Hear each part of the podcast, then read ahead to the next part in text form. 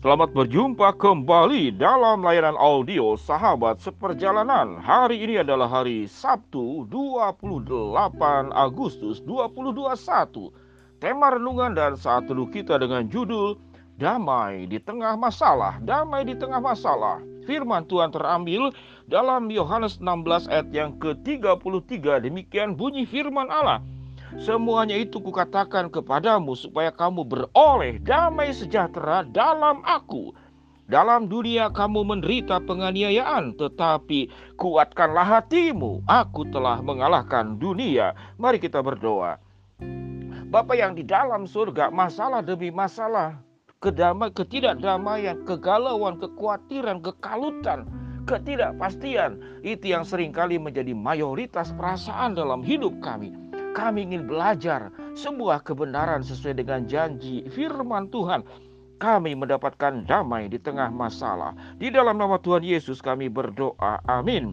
Shalom sahabat seperjalanan yang dikasih Tuhan. Seorang psik ahli psikolog yang sangat terkenal berkata bahwa agama itu adalah candu buat manusia dalam rangka untuk menghibur diri, untuk menghadapi berbagai macam tekanan persoalan hidup. Lalu manusia kemudian menciptakan yang bernama agama, yang bernama Tuhan, dan seakan-akan Tuhan itulah yang bisa mengatasi segala-galanya. Itulah sebagian orang yang tidak mempercayai Allah. Kita tidak masuk dalam kelompok yang seperti demikian. Allah itu ada. Apa buktinya Allah itu ada? Dirimu adalah bukti keberadaan Allah. Tidak ada satu benda pun atau makhluk hidup di dalam dunia ini yang terjadi dengan sendirinya. Mari kita belajar dalam kehidupan kita. Kita berbicara Anda punya handphone, apakah handphone terjadi dengan sendirinya? Tidak. Tidak demikian. Kita setiap hari makan, apakah makanan yang kita makan itu terjadi dengan sendirinya? Tidak. Semua ada yang menciptakan. Pada saat saya merekam audio sahabat seperjalanan ini, saya sedang duduk di kursi dan di depan saya ada meja dan ada kertas catatan khotbah renungan yang saya akan sampaikan.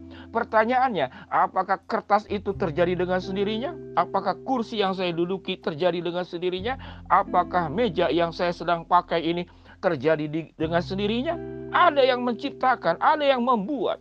Apalagi alam semesta yang sedemikian kompleks, ada pencipta, Sang pencipta di atas segala karya manusia yang dilakukan, karya manusia yang dilakukan itu pun bersumber dari Allah. Kalau Allah bisa menjaga perputaran bumi bola dunia ini di dalam konsistensi yang sangat luar biasa dan tidak mengalami perubahan perputaran maka Allah punya kuasa kewenangan yang sangat luar biasa di atas segala hal dalam dunia ini. Firman Tuhan berkata, satu helai rambutmu tidak akan jatuh dari kepalamu. Kalau itu tidak ada, dalam izin Tuhan. Angin berhembus ke kiri, ke kanan, utara, selatan, timur, barat. Kalau tidak di dalam izin Tuhan, tidak akan bergerak. Setiap kehidupan berasal dari Allah. Setiap pergerakan sekecil apa pun di dalam alam semesta ini, itu ada di dalam kuasa dan dalam genggaman tangan Allah. Kalau Allah berkuasa kepada seluruh pergerakan di dalam hidup ini, termasuk problem-problem apalagi yang kita takutkan. Apa yang firman Tuhan katakan dalam Yohanes 16 ayat ke-33? Semuanya ini kukatakan kepadamu supaya kamu beroleh damai sejahtera. Pada saat bagaimana? Pada saat engkau menderita, pada saat engkau teraniaya. Dan firman Tuhan berkata, kuatkanlah hatimu karena aku telah mengalahkan dunia. Mengapa Allah mampu mengalahkan dunia? Dunia Tuhan yang menciptakan. Kelemahan-kelemahan dunia, seluruh problem yang ada setelah akibat dosa, Allah tidak meninggalkan. Allah tetap menyertai, Allah tetap menolong, Allah tetap membantu dan menjadikan kita menjadi orang-orang yang penuh keberanian menghadapi seluruh kehidupan ini. Karena ada satu perkala Allah menyertai kita. Kematian bisa menyentuh kita, masalah hidup bisa menyentuh kita, sakit penyakit bisa menyentuh kita. Namun Tuhan tidak meninggalkan kita di sudut-sudut kehidupan yang tersulit sekalipun. Di jurang yang terdalam sekalipun Tuhan hadir. Di dalam di, kita dikelilingi oleh kebuasan hidup ini, masalah-masalah yang seakan-akan seperti harimau, binatang-binatang buas yang akan menerkam kita. Allah bersama dengan kita dan tidak akan meninggalkan kita. Sahabat seperjalanan yang dikasih Tuhan, pahami dengan baik.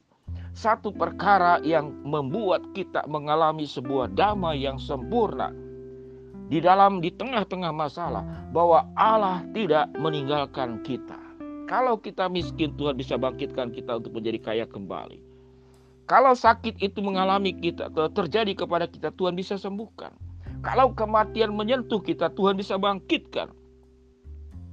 Kalau jurang yang dalam itu membuat engkau tidak bisa naik ke atas, Tuhan akan angkat engkau seperti burung Raja Wali yang naik terbang tinggi menembus awan-awan. Sahabat seperjalanan yang dikasih Tuhan, sewaktu engkau memandang masalah sedemikian besar, maka Tuhan dilihat dalam pandangan hidupmu menjadi sedemikian kecil. Namun sewaktu engkau melihat Allah yang besar di atas segala-galanya, Allah yang maha besar, maha dahsyat, maha kuasa, maha mulia, maha agung, maha bisa, maha mampu. Maka sewaktu mata kita tertuju kepada Allah yang berfirman, semuanya ini kukatakan kepadamu supaya kamu beroleh damai sejahtera dalam aku. Dalam dunia kamu menderita penganiayaan, tetapi kuatkanlah hatimu, aku telah mengalahkan dunia. Sahabat seperjalanan yang dikasih Tuhan, Daniel, Daniel mengalami kedamaian sekalipun di tengah-tengah singa. Stefanus mengalami kedamaian sekalipun di rajam batu. Sadra Mesa Nego mengalami damai sejahtera sekalipun api mengelilingi dan melingkupi dia. Apa yang kita takutkan? Seorang tentara yang sudah terlatih, tentara yang sangat profesional, tentara pilihan, maka kematian tidak pernah takut. Peluru dari musuh tidak pernah akan ditakut, tidak pernah akan ditakuti. Sehingga dia menjadi, katakanlah, tentara yang fokus kepada tujuan bahwa membela negaranya, adalah sesuatu yang paling mulia. Tidak ada ketakutan problem yang bisa menundukkan dia daripada kecintaan kepada negaranya. Itu seorang tentara. Allah mencintai kita sangat luar biasa dan kita biarlah menjadi prajurit-prajurit Kristus di tengah-tengah dunia ini. Karena hidup ini memang perjuangan. Tetap berjuang untuk mencukupkan kebutuhan anak-anakmu. Tetap berjuang untuk mencukupkan keluargamu Tetap berjuang anak-anak muda untuk menggapai mimpi dan masa depanmu. Agar kehidupan engkau menjadi lebih baik. Sehingga engkau bisa mengurus, memelihara, menjaga orang-orang tuamu. Pada saat mereka masuk ke dalam usia yang lanjut usia dan tidak bisa berbuat apa-apa. Tuhan bisa menjaga perusahaan, tokomu, usahamu, bisnismu. Tidak akan ada yang bisa menyentuh kalau Allah sudah melindungi, kalau Allah sudah sudah melingkupi, Tuhan proteksi. Tidak ada satu katakanlah unsur yang sekecil apa pun bisa menembus kehidupanmu.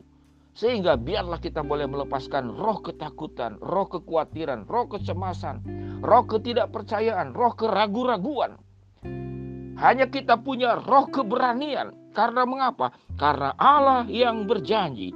Semuanya itu kukatakan kepadamu.